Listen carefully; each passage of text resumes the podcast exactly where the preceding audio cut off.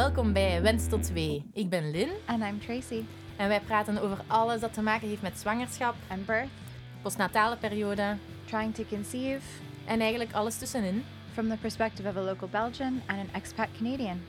Wij nemen jullie mee in onze verhalen, interviews en gewoon leuke gesprekken. Thanks for being here. Hope you enjoy.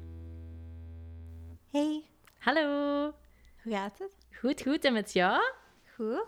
Ehm, het is een speciale aflevering vandaag. Allee, speciaal. Het is altijd een beetje speciaal. Maar eh, vandaag hebben we onze eerste echte expert te gast. En ehm, onze expert is Jessie, of Jessie? Of Jessie. Jessie. Jessie. Ehm, van Pitou, Ja, kinepraktijk Pitou. voilà. En ehm, jij bent gespecialiseerd in bekkenbodemtherapie. Ja. Misschien...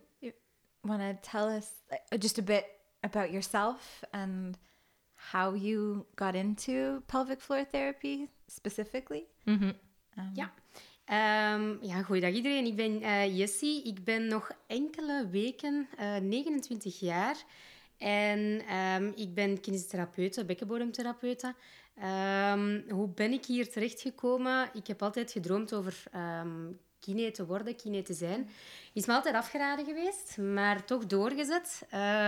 Vijf jaar later kine geworden.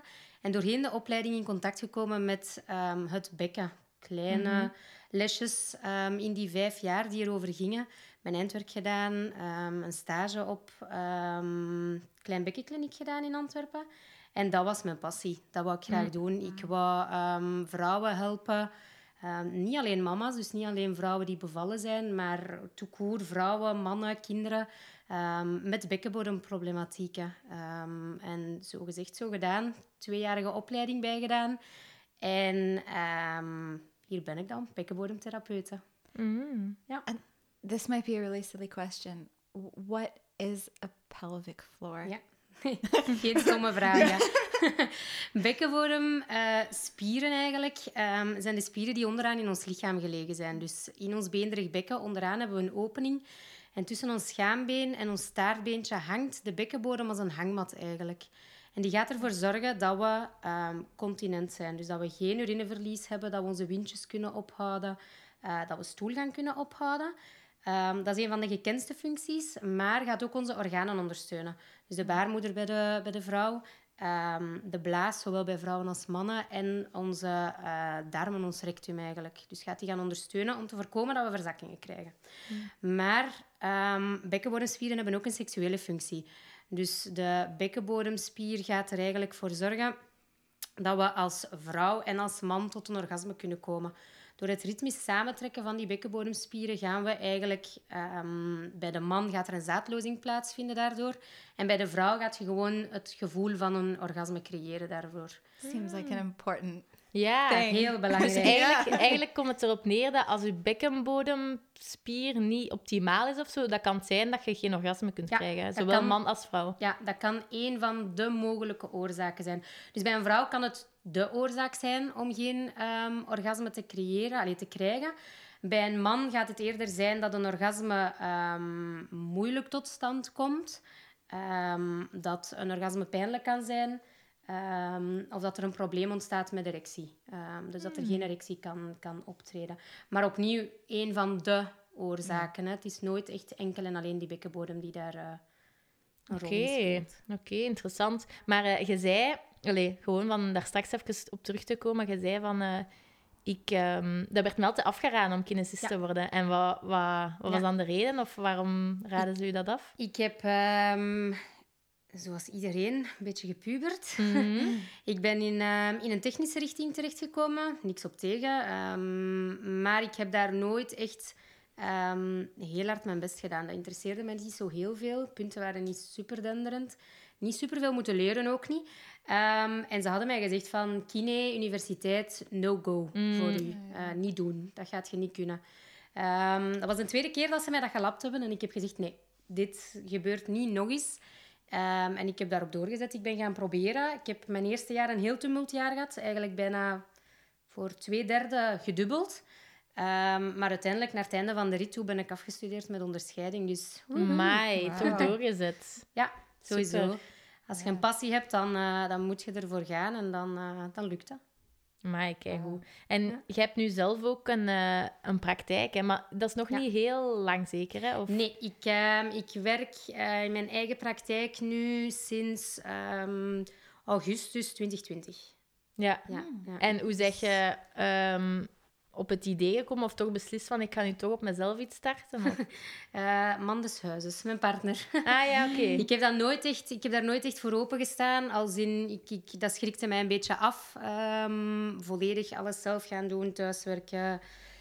Um, ja, de deur niet achter u kunnen sluiten en gedaan met werken. Mm -hmm. Maar um, ja, mijn, uh, mijn vriend is heel ambitieus en hij vond dat ik dat absoluut moest doen. We hadden mm -hmm. er de ruimte voor. En dan mm. corona dat er bijgekomen is, heeft mij wel even um, doen nadenken in dat opzicht dat wij op een bepaald punt precies het idee hadden dat ze niet zo meer fan waren van groepspraktijken um, na de lockdown. -hmm. En dan heb ik gezegd, misschien moet ik hier wel werk van maken. Ja. Um, en dan ben ik begonnen met de praktijk. Amai, ja. super, tof, super. nog een vraagje dat ik eigenlijk had. Um, want eh, iedereen kent wel de kinesist. Uh, zeker als je zwanger bent of, of postnataal, eh, van wat dat een kinesist kan betekenen. Van als je geblokkeerd zit in je rug of uh, gewoon al voor ademhalingsoefeningen of zo. Maar wat is voor u de, zo het typische profiel van een cliënt, of een, ik weet niet wat je zegt, cliënt? Patiënt. Patiënt ja. dat bij u langskomt? Of is dat heel uiteenlopend? Ja, dat is uiteenlopend. Dus we hebben verschillende takken binnen de bekkenbodemkine. We hebben sowieso de, de, de perinatale, hè, prenataal, postnatale.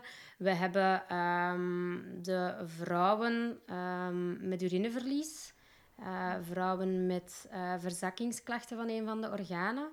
Uh, kindjes komen er ook aan te pas. Um, op bepaalde leeftijd, en meestal start dat rond zesjarige leeftijd als de kindjes nog niet zindelijk zijn, zowel overdag uh, nog accidentjes hebben of s'nachts uh, nog bedplassertjes zijn, die komen tot bij ons terecht. Um, en dan de mannen. Het meest gekende fenomeen bij mannen dat wij zien is na prostaatoperaties. Um, of mannen met um, bekkenklachten naar overspannen bekkenbodemspieren, waarbij dat ze echt pijnklachten gaan creëren in het, in het perineum. Dat is zo'n beetje het, uh, mm. de populatie dat wij bij ons krijgen. Ja. Mm. En dan meer bepaald naar, naar zwangerschap dan toe, want mm -hmm. dat is toch hier het, het, het doel. Um, zien we meestal postnataal. Yeah, that was going to be one of my questions. Do, when should someone come to you? Should you wait until you've had your baby? Or is it something that, oh, I'm thinking about having children, I should go get this kind of checked out yeah. and or I'm pregnant. Like what what would yeah. you want some if the ideal person for yeah. you? Um, idealiter, hoe ik het graag zie, is dat wij eigenlijk de vrouwen, um, en voornamelijk de vrouwen eigenlijk, uh, veel vroeger bij ons ja. op consult krijgen. Veel vroeger als in preventief. Eén mm. keer op een jaar een consult, bekkenbodem checken, kijken of dat die um, bekkenbodem um, goed te controleren is. Dat ze die mooi opspannen, maar dat ze die ook goed loslaten, want dat is ook een hele mm. belangrijke. Especially if you're trying to get a baby out of there. Ja, ja, en voornamelijk ook, wij komen heel veel um, vrouwen en meisjes tegen met pijn bij betrekkingen, um, mm. waarbij dat betrekking absoluut niet mogelijk is. Dat is vaginisme dan eigenlijk? Vaginisme, dyspareunie, vulvodynie-klachten.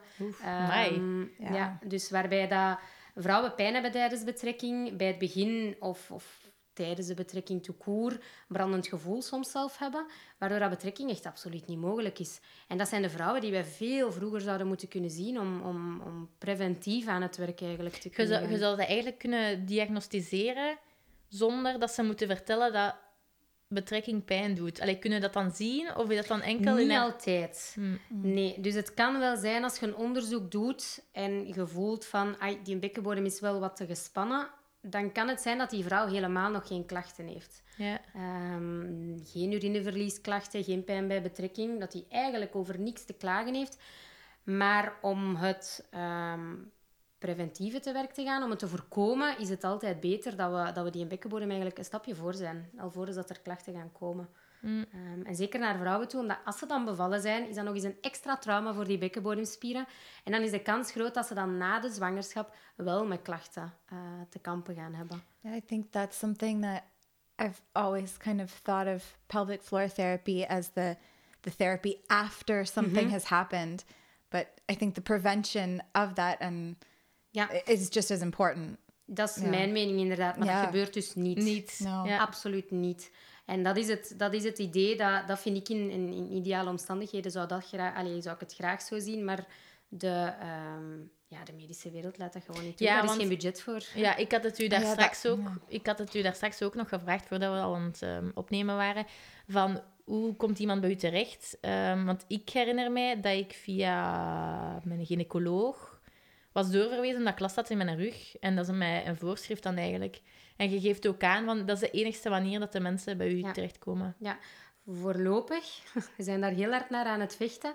Maar voorlopig kan je... Allez, of, ja, je mag uiteraard wel bij de kine komen, maar je moet een voorschrift hebben um, doorverwezen worden door een, door een arts, door een chirurg, door een gynaecoloog. Om terugbetaald te worden. Terugbetaald maar je kunt wel bij u komen en zeggen, ik betaal gewoon volle pot. Of dat gaat niet, of dat bestaat niet. Nee, dat wordt eigenlijk niet gedaan, omdat dat verzekeringsgewijs niet, niet kan. Niet kan. Ja. That's annoying. Ja, heel lastig. Maar we zijn daarnaar aan het... Ja, dat zijn, dat zijn zaken die op... Uh, waar dat we aan, aan werken, waar dat we graag directe toegang zouden willen hebben tot de, tot de kine. Wat In Nederland is dat al. Ja, wat ik dan wel denk, is misschien zo van die workshops of zo. Of is dat ook niet... Ja, nee, je kunt daarmee geen geld voor... Allee. Jawel, jawel, dat ah, wordt gedaan. Zo infosessies? Ja, ja infosessies wordt zeker gedaan. Ehm, dat mag ook, dat is, is toegestaan. Dat staat los van terugbetalingen. Uh, dat is dus inderdaad gewoon is, betalen. Maar dan... dan dan, dan ja, sensibiliseert je de mensen inderdaad al. Dan, dan hebben ze al info, of, allee, dan mhm. weten ze wat dat er te komen staat zijn er bepaalde zaken um, dat je zo gemakkelijk kunt uh, bedenken van... Uh, stel nu, ik kan me inbeelden dat er veel zwangere vrouwen luisteren of uh, pas bevallen mm um, dames of um, die denken aan kinderen. Zijn er bepaalde symptomen, wil ik nu niet zeggen, want dat klinkt meteen zo heel ernstig, maar bepaalde zaken die zouden voor hun moeten een bedenking zijn van oei, misschien moet ik toch daar een keer over praten met mijn dokter, zodat ik bij de kine kan gaan? Of of wat is er normaal eigenlijk, uh, gezien dat je juist een kind hebt uh, uit je vagina geduwd? En wat, is, wat is zijn zaken dat je denkt van oei, misschien moet je daar toch... Want ik en Tracy waren er ook over bezig daar straks, over een vriendin die zei... Ik ga geen jumping jacks doen, want ik heb wel drie kinderen gehad. Ja, I had one of my, my sister's friends... Um, they were training for like an, an Ironman or some athletic thing that's a little yeah. ridiculous to me. But one of the trainings that they were doing involved jumping jacks, and they were like, "Okay, come on, everyone, do it." I've had three kids. Like, like I don't, I don't need to uh, to jump up and down after three kids. And my sister was telling me this like it was a totally normal thing, and I thought, your friend is walking around with an injury to her body. It's not normal to not be able to jump up and down without peeing. Mm. That doesn't that to me seems like women are just walking around with injuries to their bodies and it's so normalized that yeah okay maybe the week after you have your baby you don't really know what's coming out of where mm. you might pee a bit but a month later is, is that something that you should be concerned about or definitely a year later that seems like not mm. okay nee but, wij, wij spreken altijd allee, ik zeg wij, maar dat is mijn mening. Ik zeg altijd tegen, tegen de vrouwen van... Je moet jezelf wel de tijd gunnen om een beetje natuurlijk herstelproces um, ja, zijn gang te laten gaan. Maar geen jumping jacks mogen doen. Mm. Dat is... And her kids were yeah. old. It wasn't that she just had a baby. Her nee. kids are like, I don't know, five, ten, like however old. It's not... Nee, dat zijn signalen dat die bekkenbodemspieren niet goed, niet goed werken. Hè. Dus um, tekenen dat je, dat je zou kunnen zeggen van mm, naar de bekkenbodemkine gaan, dat zijn inderdaad urineverlies, bij het hoesten, bij het niezen. Ook als je zwanger bent? Nee. Ah, want dat had ik wel. Ja. Zo, hatjoem, oeps. En dan moest mijn man al lachen, want hij wist al hoe laat dat was. Ja. Nee. Um, nee, bij de zwangerschap niet, uiteraard niet. Waarom niet? Je bent um, in totaal negen maanden toenemend gewicht aan het dragen um, van een kindje. Zoals gezegd, die bekkenbodem die hangt als een hangmat tussen dat schaambeen en dat staartbeentje. Dus die, die bekkenbodem die komt op, op, op belasting te staan. Die wordt uitgeput, die wordt moe. Die moet extra druk um, opvangen eigenlijk, of een extra uh, gewicht opvangen. Um, Plus, ja, ik denk dat je zelf ook al gezien hebt hoe dat een, een, een, een groeiende baarmoeder eruit ziet. Waar dat die juist op drukt, die blaas, die, is, die wordt platgeduwd tot en met.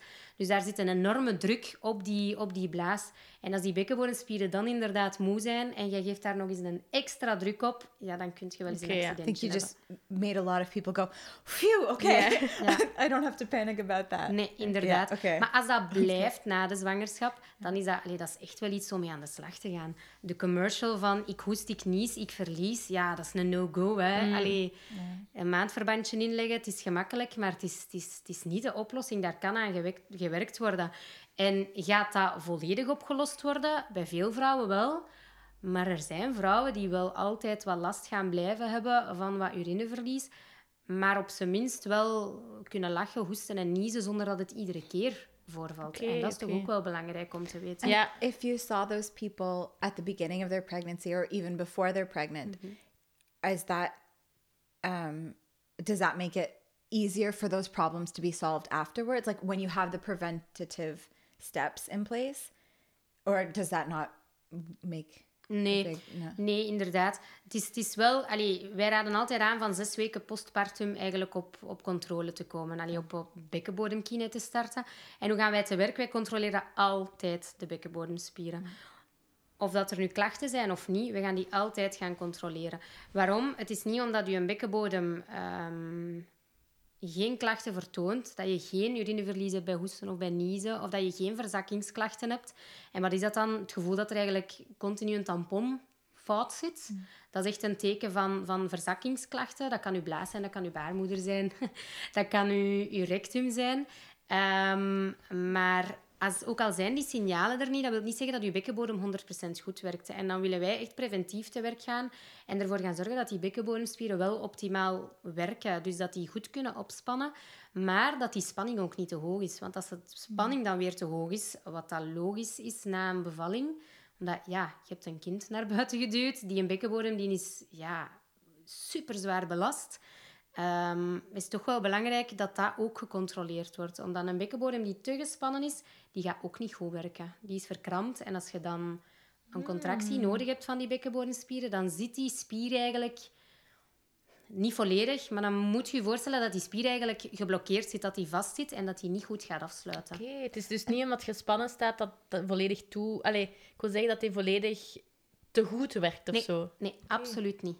En does that play it does if you've had a a tear or like an injury like that or scar tissue yeah. is that something that you also look at ja. with the, like mm. all of that is in the same ja dat wordt inderdaad geïncludeerd dus afhankelijk van hoe groot dat, dat de, de knip of de scheur um, geweest is en afhankelijk van weefseltype van persoon tot persoon kan mm. het zijn dat dat litteken veel feller aanwezig is en dan adviseren wij inderdaad ook van daar uh, littekenmassage op, op, toe te passen. En soms ook dat, als dat echt heel fel is, dan, dan durf ik daar echt wel een behandeling aan te wijden voor, voor dat litteken te gaan, uh, te gaan masseren. Maar ja. dat is eigenlijk zo'n beetje perineummassage-achtig. Ja. ja. ja want dat is wel... Allee, maar ja, langs de kant ook logisch. Van de eerste keer als je seks hebt na je bevalling, voelt je wel... Allee, soms nog altijd ja, dat is misschien TMI dat ik dat over mezelf vertel, maar soms voelde je voelt wel waar dat dat, ook al ben ik amper gescheurd of geknipt geweest, toch heb je soms op bepaalde momenten dat je dan seks hebt, dat je voelt van, ah, daar I, zit die I know where ja. that scar tissue is, 100%. Maar dat is wel normaal waarschijnlijk, dat je dat altijd een beetje blijft voelen of zelf niet? Ja, normaal. Als je daar geen klachten van hebt, is dat inderdaad mm. normaal. Maar het, het probleem is, en dat is ook zo het ding, eerste keer betrekking, mhm. ongeacht of dat je zwanger bent geweest, alleen of dat je bevallen bent geweest mhm. of niet. Iedereen denkt, allee, zegt altijd van, ja, maar ja, dat gaat pijn doen. Dat is normaal, daar moet ik over. En dat horen we niet zo heel mhm. graag. Waarom niet? Je hebt het risico dat je in een vicieuze cirkel terecht gaat komen. Dus het probleem is, als je pijn hebt bij betrekking, de volgende keer ga je opnieuw betrekking hebben en dan ga je denken, ah, dat heeft de vorige keer pijn gedaan. Gaat dat nu ook weer pijn doen? Wat gebeurt er? Die bekkenbodem die gaat zich wat meer verkrampen. De volgende keer, ja, dat heeft pijn gedaan, uiteraard, want je bekkenbodemspieren waren weer opnieuw gespannen. Mm. En zo kom je eigenlijk in een vicieuze cirkel. Dat is eigenlijk ook zo wat mentale, hè? Ja, ja. Dus dat begint vaak met een mentale. Um, als dat de trigger is geweest. Mhm. Sommige vrouwen hebben gewoon vaginisme bij de eerste keer betrekking veel pijn. En dat zijn de vrouwen die echt wel ja, dat is een, een, een overspannen bekkenbodemspier. Ja, dat is gewoon puur medisch voilà, een dat ding. is inderdaad medisch een ding. Maar bij nabevalling zien we vaak dat dat, dat, dat toch echt wel mentaal is. Mhm. Waardoor dat mentaal die heel gespannen gaan zijn. En dat die spier wel geblokkeerd blijft staan. Dus dat die eigenlijk in overspanning blijft staan. En dan is het niet meer alleen mentaal. Dan is En- het echt die spier dat moet gestretched worden. En doe je dan beide een beetje?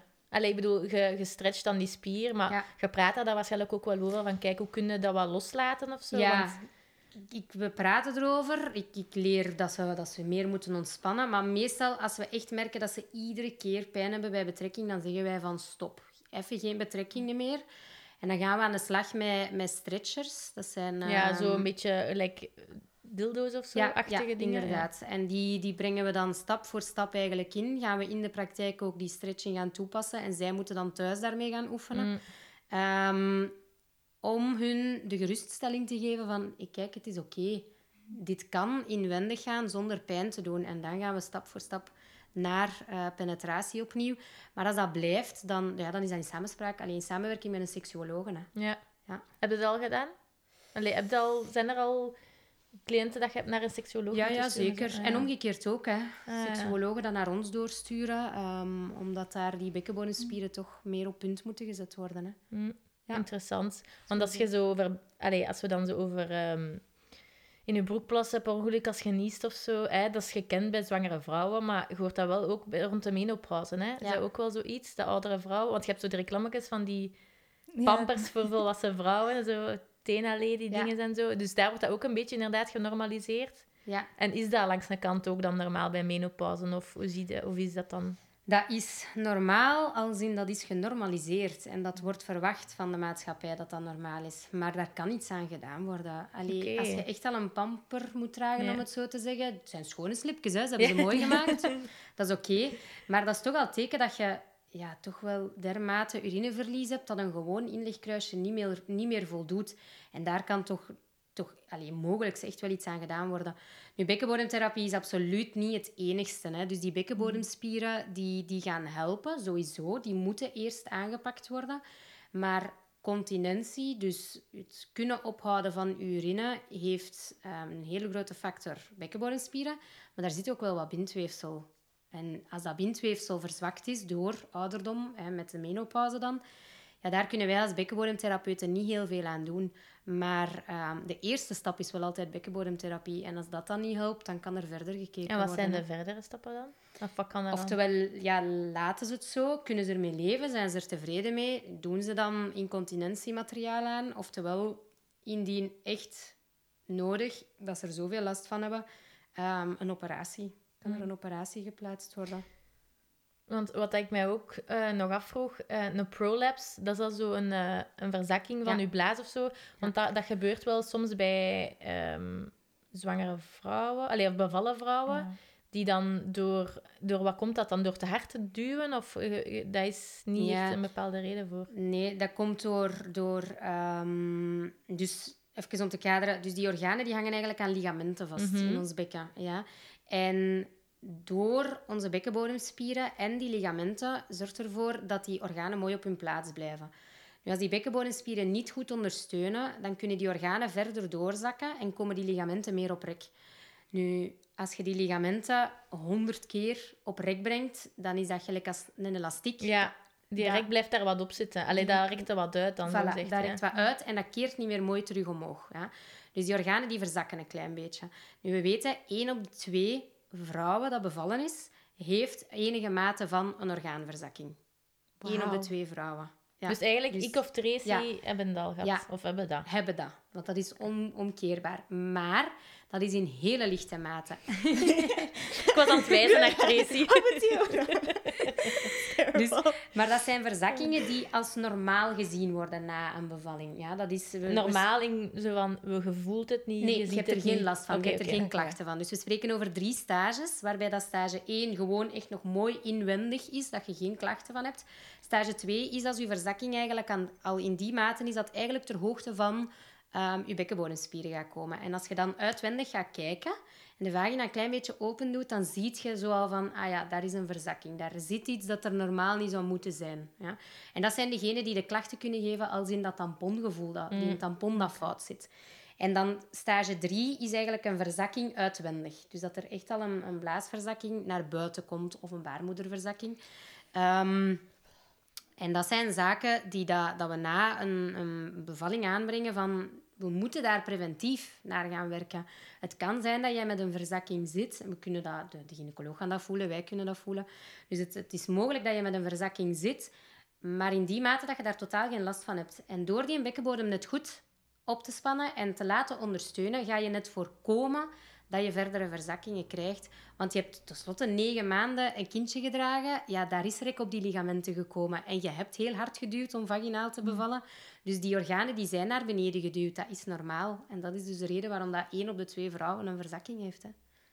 So if we're talking about the pushing being an, having an impact on that, is there, I mean, there a right way to push to support your pelvic floor? Or... Nee. No, nee, you just nee. either je moet, do it. Je moet duwen en of dat je nu duwt uh, met, met minder kracht of meer kracht, dat, dat, dat gaat niks uitmaken. Okay. Het is de duur en de, de kracht die er moet gezet worden, want anders krijg je kindje er niet uit. Mm -hmm. Maar dat is dus een van de redenen waarom dat je in, um, in Amerika is daar heel fel in. Um, de, de, ja, de maagdelijke bekkenbodemspieren. Uh, Geen mm. vaginale bevalling willen doen, keizersnede aandringen op een keizersnede om de vagina, de regio, mooi intact te laten. Ah, ja, ja, ja. De, de vrouwen zelf, de vrouwen hun vagina niet willen om zeep helpen of zo. Ja, that's I've heard that in North America and I've heard that in um like I have a a cousin who's married to someone from Colombia and the response when she was pregnant was, "Oh yeah, when when is the when's the surgery?" She's like, "What do you mean when's the surgery? I'm having a uh, home birth and, and what? Because it's and it's it's that reason yeah. which i mean everyone has to make their own choice. If that's the choice you want to make but we yeah. support that. Yeah. But but yeah. So what impact would a c-section have on your pelvic floor? If it's not the same pressure but it's still involving the same muscles and ligaments and parts. Ja um, op korte termijn ben je met een keizersnede bevoordeeld voor je bekkenbodemspieren. Um, maar op lange termijn blijft de uitkomst eigenlijk hetzelfde. Okay. Dus je hebt negen maanden lang je kindje gedragen. Negen maanden lang heeft ja. je bekkenbodem onder druk, gestaan. Dus op lange termijn zijn de, zijn de gevolgen voor een bekkenbodem eigenlijk hetzelfde. Ja. Wat ik ook wel nog een heel interessante vind, um, waar ik ook totaal nog geen idee van had, en ik denk misschien velen dan nu luisteren ook niet, um, was dat er ook kinderen bij u komen voor zo problemen met stoelgang of vrienden of potjestraining of weet ik veel. Kunnen mij daar eens, allez, kunnen daar eens over vertellen van wanneer, want ja, ja, wanneer komt iemand echt langs of wanneer zijn er echt problemen die moeten aangepakt worden bij kinderen? Ja, kindjes komen eigenlijk bij ons terecht rond zesjarige leeftijd. En dat zijn dan problemen naar uh, natte broekjes overdag, uh, bedplassertjes, constipatieklachten, um, om die bekkenbodemspieren um, eigenlijk correct te gaan gebruiken. Want wat hebben we nodig? Ik zei hier daar straks ook heel vaak van we moeten opspannen, hè, we moeten goed loslaten. Um, die spanning mag niet te hoog zijn, maar wat gaat er gebeuren als je je spieren niet goed gebruikt en niet goed loslaat? Dan, ga, dan, dan heb je moeite met plassen bijvoorbeeld. Of, en bij kindjes is dat heel vaak constipatieklachten. Maar meestal zijn dat... Kindjes is meestal zo'n beetje um, het uitstelgedrag. Hè. Wachten met plassen, want we willen nog graag spelen. Of wachten met stoelgang maken, want ik wil niet op, op de grote toilet in school gaan. En daardoor wordt dat een beetje in de hand gewerkt. Dus in dat opzicht is de therapie eigenlijk totaal anders. Waarbij dat bij kindjes het eigenlijk eerder um, allee, vaak uh, gedragstherapie is. Ja, want ik was aan het denken, je zei bedplassers. Maar ik ken... Allee, ik heb nu iemand in mijn hoofd dat ik weet dat tot zijn... Goh, 14 of zo... Allee, dat ik weet dat hij nog altijd pampers droeg. Ja. Voor mij en zijn situatie kennende was dat puur psychologisch. Allee, puur... Um, ja, omdat hij... Uh, ja, trauma zat of zo, of weet ik veel van die dingen. Dus dan is het inderdaad niet de eerste reflex om bij een kinesist te gaan, omdat dat medisch dan lijkt of zo. Ja, nee, dus we zien we heel vaak. Sommige kindjes zijn volledig droog ook. En dan gebeurt er iets in hun leven. Um, gepest op school, uh, een broertje of een zusje erbij, een scheiding bij de ouders, een familielid dat, dat overlijdt, iets heel traumatisch.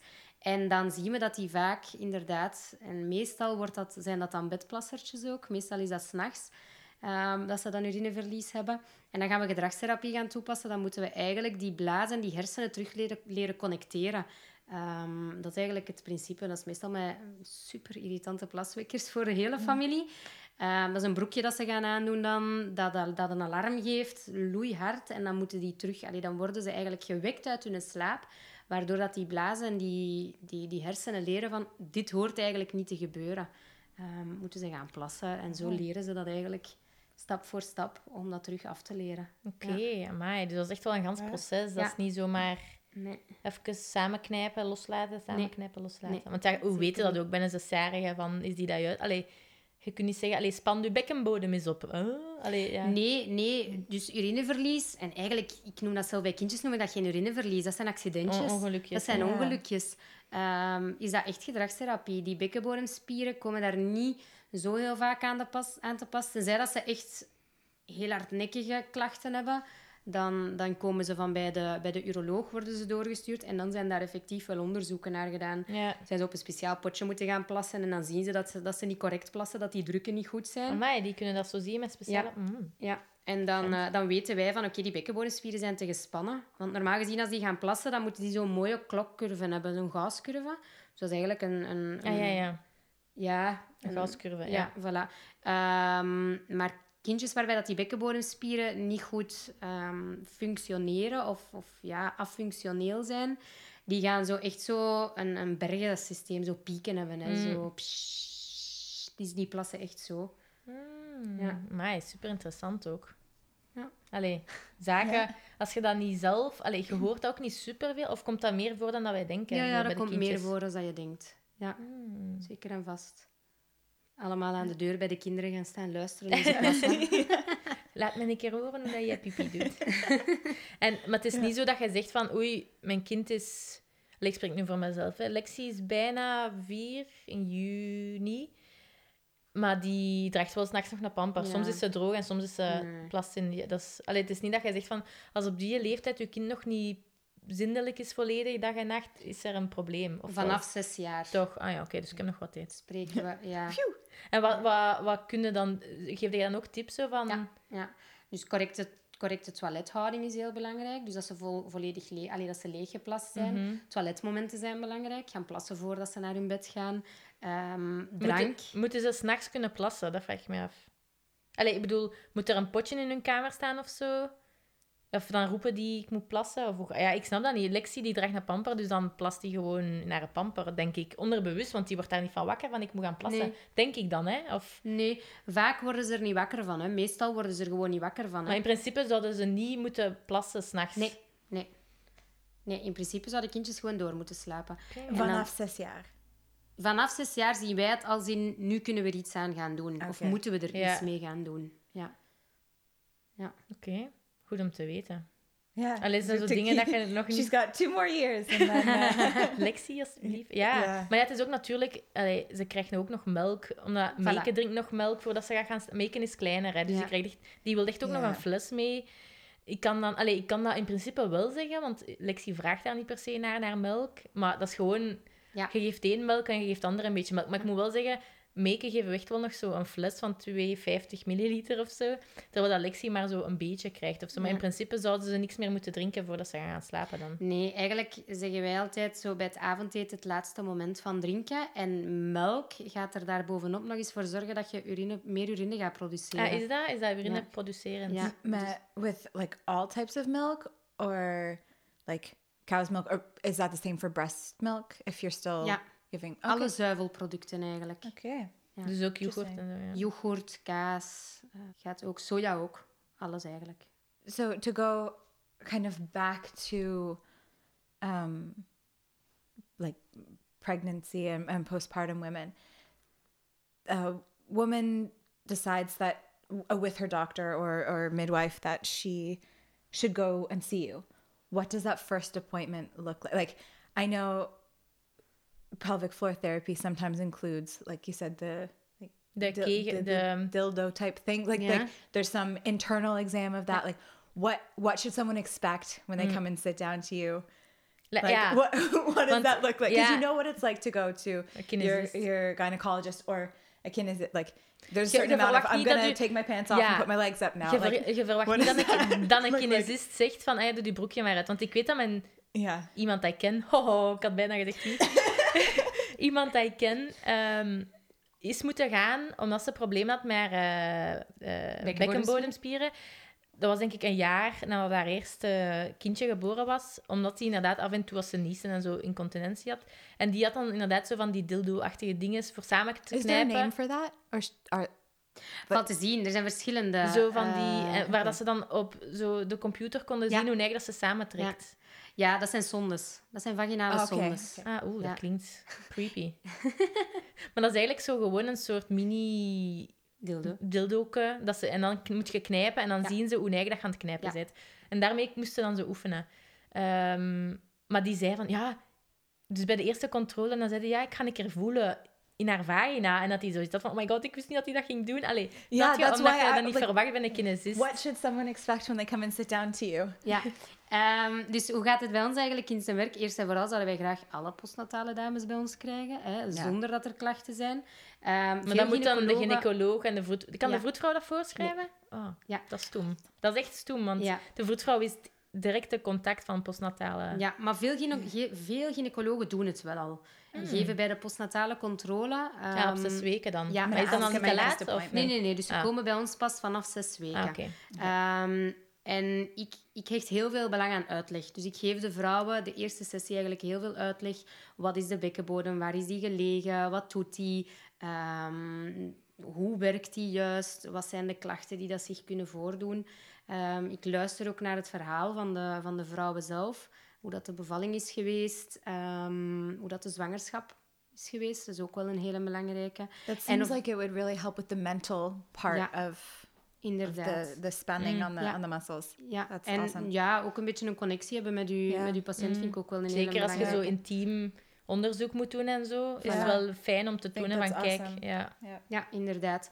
En dan... ehm, dus heel veel uitleg. En dan ga ik inderdaad over tot een, tot een inwendig onderzoek. Dus ik, ongeacht of er klachten zijn of niet, ga ik eigenlijk iedereen inwendig gaan controleren. En inwendig gewoon met je vingers dan? onderzoek. Ja, dus met de vingers. En afhankelijk van ehm, hoe dat ik aanvoel, hoe dat die spanning is, of dat die spanning goed is, ehm, gaan we dan naar, naar contractie toe. Dan, laat, dan vraag ik eens om op te spannen, om los te laten. Vraag ik eens om op te spannen en aan te houden en opnieuw los te laten. En dan voel ik hoe dat die bekkenbodemspieren daar eigenlijk op reageren. Of dat die goed opgespannen zijn, of dat ze daar controle over hebben, ja of nee. En dan als we zien dat die bekkenbodemspieren voldoen, dat die goed genoeg zijn, dan gaan ze eigenlijk met die oefeningen naar huis. Dan doen ze die oefeningen zuiver thuis. En dan zeg ik altijd van drie keer per dag hun oefeningen goed te doen. Om die bekkenbodemspieren wel wat extra te gaan, eh, te gaan trainen. Want iedereen heeft ehm, wel wat een verzwakte bekkenbodem, maar is vaak goed genoeg om thuis oefeningen te doen. Ja. Dus dan hoeft dat bij ons niet. En dan komen ze de volgende keer eigenlijk terug en dan gaan wij aan de slag met de, ja, de typische postnatalen. Hè? De buikspieren, de billen, de benen, versteviging van het hele lichaam. ja, dat heb ik hier dus nooit niet gedaan. Dus ik weet eigenlijk niet, niet. hoe dat het eruit... Is het dan echt zo een beetje gelijk BBB-oefeningen? Ja, zo? Ah, ja, maar opbouwend What is eerst... BBB? Zo buikbillen, borsten, exercise, zo. Classes. Zo van die Ah, like- groepslessen, zo ja, Zumba, ja, maar dan zo BBB is puur targeted, like zo. Ah ja, Weet je wel, crunches en die dingen allemaal. Ben mee. Sorry. Ah, maar dus dan gaan we daarmee aan de slag. Ja, hè. En dan opbouwend wel. Dus kijken hoe dat, die, dat, die, dat de vrouw er zelf op reageert. Afhankelijk van persoon tot persoon, hoe actief dat je was. Ervoor, ja, geen enkele vrouw is hetzelfde. Hè. Sommige vrouwen die, die staan nat in het zweet bij mij. En daar heb ik echt super hard op doorgedaan. En bij andere vrouwen werk ik eerder stabiliserend. Ja. Rustigere oefeningen, omdat die dat nodig hebben. Dus dat is echt wel Mm. aanvoelen en kijken. Wat dat ik mij, nu dat je dat zei, ik heb lang ehm, zo, je buikspieren gaan uit elkaar als je zwanger Ah, bent. Diastase. Diastase of Ja, zo. diastase. Ja. Ik heb dat lang afgevraagd van, heb ik dat nu of niet? Omdat het langs de kant handig zou zijn om te verklaren waarom dat mijn buik zo slap is. maar ik denk dat ik het eigenlijk niet heb, maar gewoon eh, van, ah, misschien is dat dan een... Can't you tell like if Ah, when you crunch if als je je like vingers... a certain amount of like Ja, space. bump and, and space for Eigenlijk your zou fingers. je- that... Maximum één vinger of zo tussen je... Twee. Twee vingers tussen je buikspieren moeten kunnen voelen. Maar dat is ook Ja. iets dat je dan doet en checkt en Ja, ziet. inderdaad. Oh, dus that's really important. dat is het volgende inderdaad. hè. Dus alvorens dat we echt naar oefeningen overgaan, gaan we kijken naar die diastase. Dus elke, ehm, bijna elke vrouw, zeg ik eigenlijk, heeft tijdens een zwangerschap een diastase. Dat is normaal. Mhm, ja. Dat is nodig, want anders kan je een buik niet uitzetten. Ehm, en heel veel vrouwen, ehm, en I wish dat ik het ook heb later, bevallen, boef, dat buikje valt kei mooi in en die hebben niks meer van last. Maar er zijn ook evenveel vrouwen daar, bij, waarbij dat die buikspieren wel wat open blijven staan. En dat is wel heel belangrijk om te weten tijdens de oefeningen, want dan adviseren wij van ehm blijvend rugsparend eigenlijk in het leven eigenlijk een beetje staan. Dus niet naar voren buigen en zware dingen heffen. Eerst op je zij gaan liggen en dan rechtkomen. Om dan natuurlijk herstel van die diastase, van dat peesblad tussen die eh, rechte buikspieren eigenlijk ehm, ja, de kans te geven van, van opnieuw stevig en, en fit te gaan worden. En dan spelen we eigenlijk heel hard in op schuine buikspieren. Die schuine buikspieren gaan voor dat natuurlijk corset zorgen en zorgen dat dat peesblad extra verstevigd wordt. Maar het is dus zo dat dat sowieso zou moeten genezen van zichzelf. Of kan dat gewoon Nee, ook blijven staan? Dat kan blijven staan. Ja. Dus Yeah, and it doesn't necessarily have to do with how fit you are before or after. Because I, my cousin's wife was a like a fitness model, and she suffered with that for a really long time after her first birth, and then went straight to the therapy after her second son was born. And I hadn't heard about it until, and this is someone who's like ripped, like I'm gonna say six pack, but it might have been 12, like really fit person. So for her, she's like, oh, I'm gonna get back into shape. I'm gonna go back to my crunches and everything. But that was exactly the opposite of what she should have been doing. ja. yeah. Um, because you think, oh, I've got that mom tummy, I gotta do a bunch of crunches and, and planks. But that didn't work at all and was, Nee, want dan gaat je net dat peesblad extra gaan belasten Ja. en dan gaat je het in de hand gaan werken eigenlijk. Dus dan gaat je ervoor zorgen dat dat, dat peesblad net niet kan verstevigen, want je zet het opnieuw aan het overbelasten. En wat zijn zo echt Ja. duidelijke signalen? Of, want dat is echt, als het een twijfelgeval is, heb je het waarschijnlijk niet dan. Of is het echt... Goh, duidelijke signalen, dat zijn de signalen als je zo recht komt vanuit je rug, dat je zo dat, dat bultje bovenaan Ja. I hebt. wanted to check. Ja, straks, straks, straks straks keer kijken. Dat Direct zijn- benen open. direct. What else can we check? Dus dat zijn de, ja, dat zijn de duidelijke signalen. Hè. Ja. Maar- En bij vrouwen, ja, zwangere vrouwen, dat- ze hebben zo vaak de neiging, als ze thuis zijn met hun partner, kijk, ik heb een bultje op mijn buik als ik recht kom. Ja, niet doen dus, hè. Dat is echt niet goed. Mm. ja, dat is echt niet zo van... eh, kijk wat ik kan. Nee, nee, absoluut Wat is uw hè. speciaal talent? Eh, als ik recht kom, heb ik een bult op mijn buik. Oké. Ja, dat zijn allemaal zaken dat, waar dat je misschien mee kunt zitten. Niemand geeft je ook die informatie. Nee. Allee, misschien echt zo'n goede prenatale lessen bij een vroedvrouw, dat dat misschien een beetje wordt verteld, maar dan They nog... might say, oh, you should see a pelvic floor Yeah. therapist, but there's no, here's why, here's what they're gonna do. Here, like, yeah. Ja, en zeker zo met die diastase ook. Allee, dat je weet van als je een buik... Ja, dat is gewoon typische moeder, moederbuik zeker of zo. Terwijl dat eigenlijk You niet per se zo moet zijn. Yeah. Nee, er kan, wel, allee, er kan stevigheid gecreëerd worden. Hè. Dus het kan wel zijn dat die diastase blijft. Hè. We hebben heel veel vrouwen waarbij dat die blijft. Maar waar dat we die wel functioneel hebben gekregen. Dus dat die opening wel blijft. Maar door die spieren rondom, door die schuine buikspieren extra te gaan verstevigen, gaat je er wel voor zorgen dat die, dat die wel mooi zijn functionaliteit terug gaat Ja, gaat maar hebben. esthetisch gezien kunnen daar dan niks aan doen. Nee. And does uh, are women with the the separation in their their abdominals does that link to the ligaments that would be loose and result in a prolapse? Like, is that all kind of connected? Do you see more common the women that have a wider separation in their in their abs are more likely to have a prolapse, or Nee. there, there's not like Nee, daar is geen verband like- tussen. Dat zien we niet. Nee, zeker niet. Nu, wat dat we wel weten, dat is omdat ik hoor zeggen van heel sportieve vrouw dat die astase Ja, heeft. dat is ook zo'n wel- mythe, allee, of- een fact van heel hoe eh, meer spieren dat je hebt en zo, hoe moeilijker dat is om, om te bevallen of zo. Allee, of dat, dat ze meer last hebben om die spieren te kunnen oprekken dan. Ja, ah, wel, dus het ding is, we weten bij, naar, naar diastase toe, we weten dat ehm, vrouwen die heel sportief zijn, allee, daar zijn eigenlijk nog volop onderzoeken mee bezig, we zien dat die eigenlijk net meer diastase gaan hebben en dat die vaak al Ehm, daarom geen diastase, maar dat die vaak al voordat ze zelf zwanger waren, dat dat peesblad al een klein beetje meer open staat dan bij de gemiddelde vrouw. Omdat die spieren zo stevig zijn en zo op dat ligament aan en het trekken zijn. Ja. Voilà, dat daar eigenlijk al, al wat een kleine... Allez, opening is het niet, maar dat die spieren al een klein beetje meer uiteen staan. En dan bij een zwangerschap hebben die, hebben die, zien we vaak dat die net meer diastase hebben dan, dan een, een gemiddelde vrouw dat gewoon sportief is. En, dus eigenlijk moeten we ons geen zorgen maken als we geen no, uh, sport... Nee, absoluut niet. Hoe meer sportief, hoe beter. Yes. Ah, ik ben gelukt in het leven. En wat zijn zo nog andere zaken waarmee... Zo de klachten van zo... Pakt zwangere vrouwen. Ja. Wat zijn zo nog zo de typische... Als een zwangere vrouw nu aan het luisteren is en die loopt al een hele tijd met een bepaalde pijn rond, maakt niet uit waar in haar lijf, dat ze nu kan horen van... Ah, oei, ja, dat is misschien wel iets dat een kinesist mij kan helpen of zo.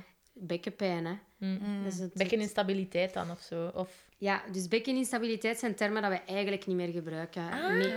Waarom dat is interessant. Ja, ja, ja. ja. Waarom niet? Omdat een bekkengewricht, dat is het meest stevige gewricht dat er eigenlijk bestaat in ons lichaam. Je hebt je, je heiligbeen, je hebt daaraan dan um, je twee um, bekkenkammen die komen, die gaan naar voren en die komen samen in je, in je schaambeen. Ja? Dus dat is echt een puzzel dat in elkaar valt. Het, um, het bekkengewrichtje is ook, dus het sacroiliacaal gewricht eigenlijk, is ook um, voor het enigste gewricht waarbij dat er um, niet zo het hele cliché is als in een kom- en een bol-principe, ja. zoals bij de heup. Ja, dus dat gewricht is heel um, oneffen, heel veel richeltjes en putjes. En dat past in elkaar als een puzzel. Ja. En dat is bij iedereen anders. Dus uh, ze zien dat, dat, dat, dat, dat die vormen, je kunt dat niet in kaart brengen eigenlijk. Waardoor dat we eigenlijk niet meer van bekkeninstabiliteit gaan praten, omdat heel veel vrouwen dan ook, zwangere vrouwen dan ook zeggen van ik ben instabiel, dat gewricht dat kan hier gaan luxeren, dat kan hier uit de kom gaan. Ja. Dat kan niet. Dat gebeurt absoluut niet. En daarom zijn we de termen gaan gebruiken bekkenpijn. Want het is niet bekkeninstabiliteit, het is een probleem. Hè. De vrouwen hebben, ja. hebben ergens klachten van en zijn we bekkenpijn gaan gebruiken. En wat is dat juist? Allee, wat houdt dat juist in? Dat is eigenlijk dat de structuren aan dat bekkengewricht, ligamenten en uh, spieren, gaan reageren op een overbelasting. Je bent zwanger, je belastingbelastbaarheid is helemaal in de war. Hè. Je lichaam vraagt veel meer van u, maar jij vraagt ook veel meer van je lichaam. Je neemt toe in gewicht, je lichaamswaartepunt verandert. Um, maar je lichaam gaat ook veel meer energie steken in de groei van je kindje. Dus niet zoveel in andere stabiliserende zaken mm. bijvoorbeeld. Waardoor dat je klachten begint, allez, kunt beginnen mm. krijgen. En op die klachten gaan je spieren dan weer reageren, gaan verkrampen. Die ligamenten gaan daar ook, ook op gaan reageren, waardoor dat je bekkenpijn begint te krijgen eigenlijk. En daarvoor kunnen ze wel bij ons terecht. Want is het dan hetzelfde als je moogt, als je, want ik denk nu aan een sportief iemand die uh, ja, elke, pakt elke week vier keer een workout deed, maar wel, en naarmate ze zwanger werd, zo wat aangepaste. Maar die had dat dan, of zo de bekkeninstabiliteit dat ik nu aan denk.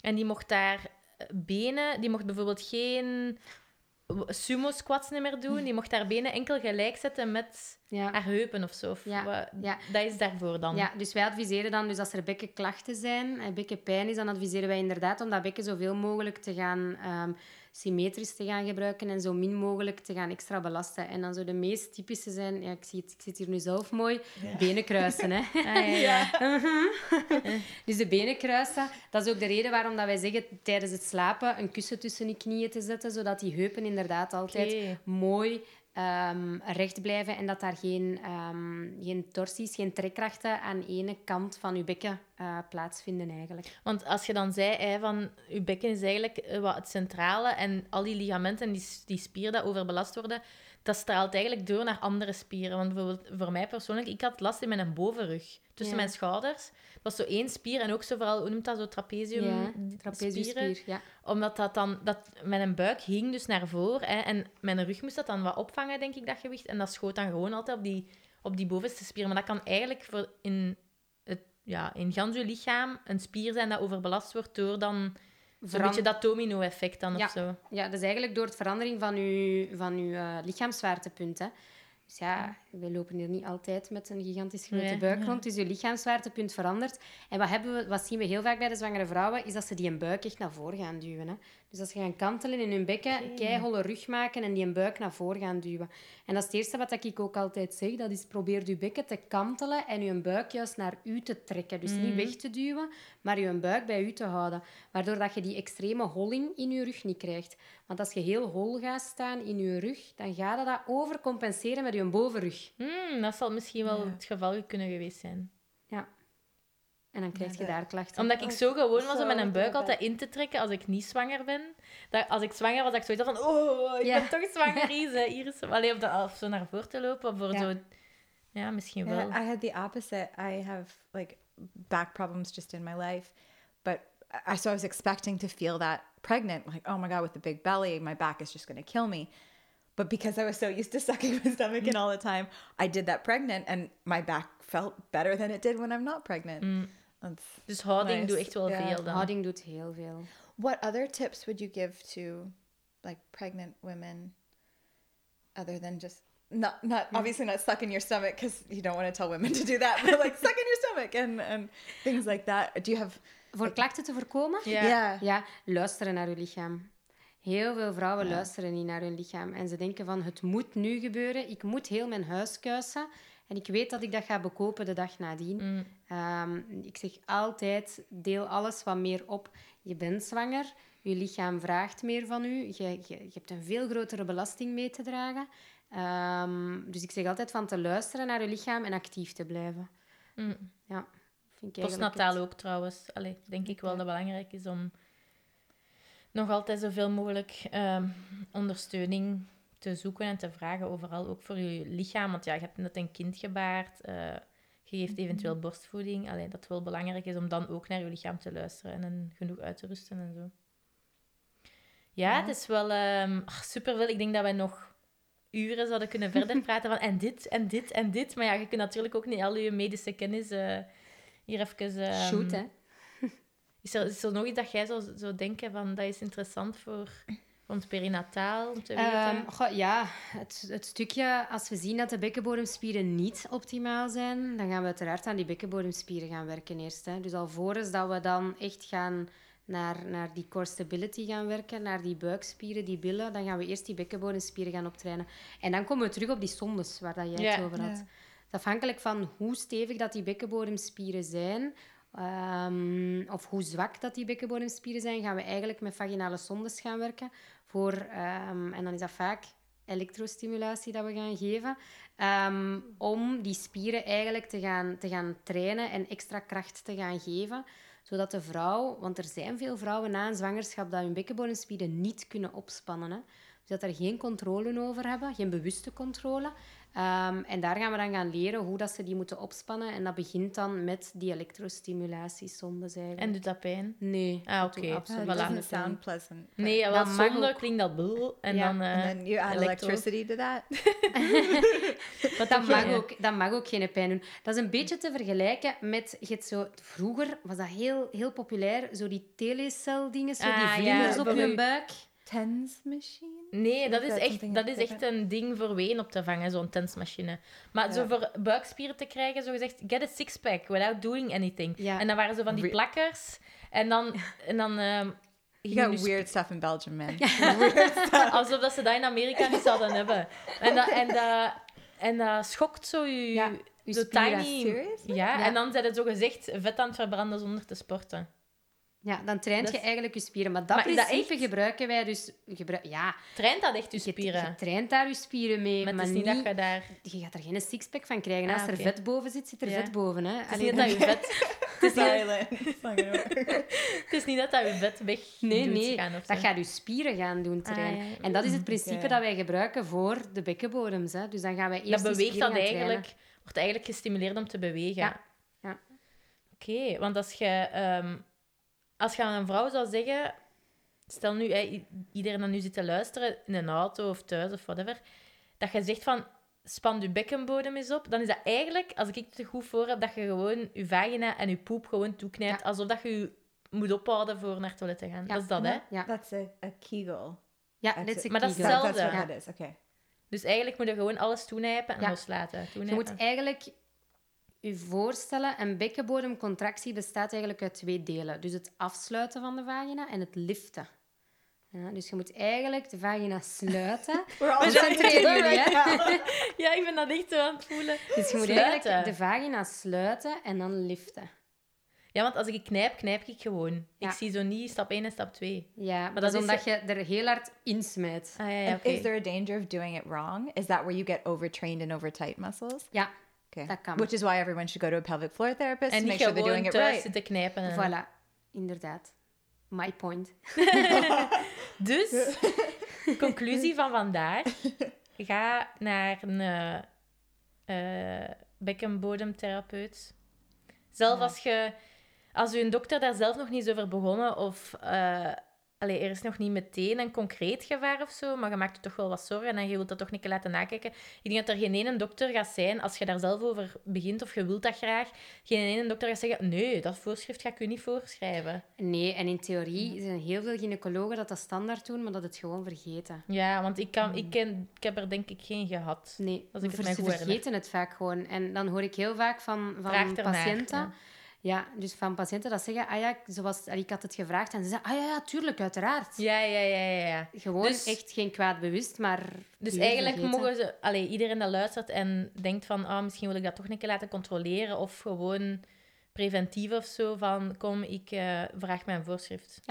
And is it, I would assume it's better to do that while you're still pregnant to then have the appointment, right? Like, what's your schedule like? If someone calls you, Ehm, postnataal zeg ik meestal, omdat de, de, ja, bij mij in de praktijk is het redelijk druk. En meestal vraag ik aan de mensen ehm, die dat al prenataal geweest zijn, zeg ik altijd van, als je bevallen bent, belt die week of de week nadien eventjes op om je afspraak zes weken postnataal Ja. al in te plannen. Ja. Dan weten we dat je schoon op zes weken kunt starten. Ja. Ehm, dan kunnen we die negen beurten doen. En dan, dan, dan is dat mooi ingepland. Ja. Dat is goed om te weten. Ja. uh, we like touched on what a postpartum visit would look like. What would it look like for someone to come and see you during pregnancy? Do you still do the internal exam the same way? nee, No. nee. Oké. Ehm, prenataal I'm now asking for myself. Just out of curiosity. Prenataal ehm, gaan wij eigenlijk heel zelden bekkenbodemgericht gaan werken. Dus prenataal komen ze meestal bij ons voor die bekkenpijnklachten of voor ehm, de voorbereiding op de bevalling zelf, wat houdingen dat we gaan uitleggen. En dat overlapt eigenlijk een klein beetje met wat, wat jullie ook doen, wat vroedvrouwen ook doen. Ehm, maar ik sta daar een beetje in het leven als in van herhaling voor een zwangere vrouw kan echt geen kwaad. Nee. En zeker niet... Allee, ik denk nu aan één ding. Ehm, je hebt zo zeker dat, die een truc van... vrou- bevallende vrouwen hebben vaak de neiging om hun knieën uit elkaar te doen. because that opens your hip, but it Nee. actually closes them. Ja, dus door je knieën open te zetten, gaat je bekken eigenlijk smaller Ja. worden. Maar je moet eigenlijk je knieën naar elkaar toe wijzen. Eh, je hebt dan zo'n trucje met stipjes op je poep van achter te zetten. En Ja. je ziet echt dat die stipjes meer open gaan als je je knieën anders zet. Dus dan is dat zeker iets dat jij dan ook zo zou Ja. verlopen. Ja, And it's inderdaad. always nice to hear the same information multiple times because you never know what's going to stick in your brain. Voilà, Ja. inderdaad. In, in- met, dat, allee, met die inzichten ga ik daar, allee, gaan wij daar ook naartoe. Plus, dan geven we ook al wat uitleg over die bekkenbodemspieren. En dan weten ze ook al wat dat er postnataal gaat gebeuren. Informatie is Ehm, alles. Ja, sowieso. het belangrijkste. Ja, daar ga ik ook van, van uit. En dan zie ik zelf heel vaak dat ik ze prenataal die een uitleg heb gegeven en dat ze het postnataal al bijna niet meer weten. Ja. En dan denk ik, ja, opnieuw. Yeah. Ja, dat is geen probleem, hè. dat is Ja, ja, oké. hè. tuurlijk, dat, is, ja. dat is daarvoor er- dat ze bij ons komen. hè. Natuurlijk, ik kan me inbeelden dat zwangere vrouwen of... eh, de, er, er is zoveel aan je hoofd al. Hè, zo van, en je moet zien dat, de, dat je kleren hebt. En je moet voor het kindje. En je moet zien dat de kamer in orde is. En je moet zien dat dat bedje daar staat. En je moet zien dat je alle gerief hebt in huis. Je moet zien dat je alle uw gerief hebt. Je I moet zien... start making my list. Ah, wel, snap je? Doopsuiker. En ik kan me inbeelden dat vrouwen dan denken... "Och, nog iets om over na te pijzen. Van, ah ja, dat is nog op mijn lijstje dat ik zeker moet doen. Maar... Allee, mijn insteek dan persoonlijk is... pri- allee, maakt een lijstje van prioriteiten. Ik denk dat hoe dat de kinderkamer eruit ziet... Hoe leuk dat dat ook is... re- redelijk laag op je lijstje mag staan van... Wat moet er in orde zijn? Zorg voor die zelfzorg. Zorg voor je gezondheid. Zorg voor je mentale gezondheid. En al de rest... Allee, zie je wel hoe dat komt. Ik Dat denk, volgt. ja, het is dat. Maar ja, de focus voor het welzijn van jezelf en van je kindje en van... And I think it would be easier to continue the the work on your on your body when you've already started it during pregnancy. Ja. Like it that seems again more preventative than En like, ook, ja. the after effect of oh now I have a problem. En ook where you- bewust zijn van je lichaam gewoon. Ja, Want als je het niet weet, weet je ook niet wat dat tussen aanhalingstekens normaal is en niet normaal is. Nee, dat klopt. Ja. Als mensen u willen vinden of contacteren, via Mhm. wat kan dat allemaal? Of hoe zijn jij te vinden en waar is uw praktijk? En zodat dat misschien wel handig is voor de... Ik ben te vinden in Strijdhem, Mhm. Roosdaal. Ehm, op de site, op de website kunt je terecht, www.pitou.be. Ehm, Facebook en Instagram, Kinepraktijk Pitou. We'll put all of this in the episode notes as Ja. well. Ja. Ehm, nu, voor de vrouwen die niet van de regio zijn en die graag een gespecialiseerde bekkenbodemkine willen zoeken allee, of willen vinden, ehm, kan, kunt je het best kijken op ehm www.bicap.be.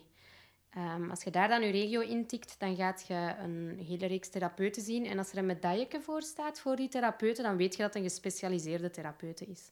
Dus dat de opleiding gedaan heeft en dat ehm, de, ja, de kennis van zaken heeft. Hè. Ja. Oké, kijk goed. Ik denk dat er al veel interessante info is geweest, hè, voor, ehm, zeker voor, voor mij persoonlijk. En ik zeg het, allee, wij zitten dan al zo wat in dat wereldje, dat toch nog eye-openers kunnen zijn voor gewoon uw lichaam en voor eh, hoe dat alles werkt en zo. Yeah, I think everyone should just come and see you. Yeah. That's, I thought that beforehand, but even more so now. Ja, Dat is Ja. heel goed. Yeah. oké. And men too, and children too. Just everyone. Ja, there you go. allemaal welkom. Ehm, Thank you so much for listening to this episode. ja, en eh Jessie, Ehm. merci om te komen. Heel graag gedaan. Ehm, ons vind je op ehm, Instagram en Facebook. At Wens tot 2. At Wens tot 2. Ehm, onze podcast kan je beluisteren op Apple Podcast en Spotify. En via... Podbean.com. Uh, Wens tot 2. Punt podbean.com. Voilà. Uh, every second Monday. Ja, om de twee weken episode.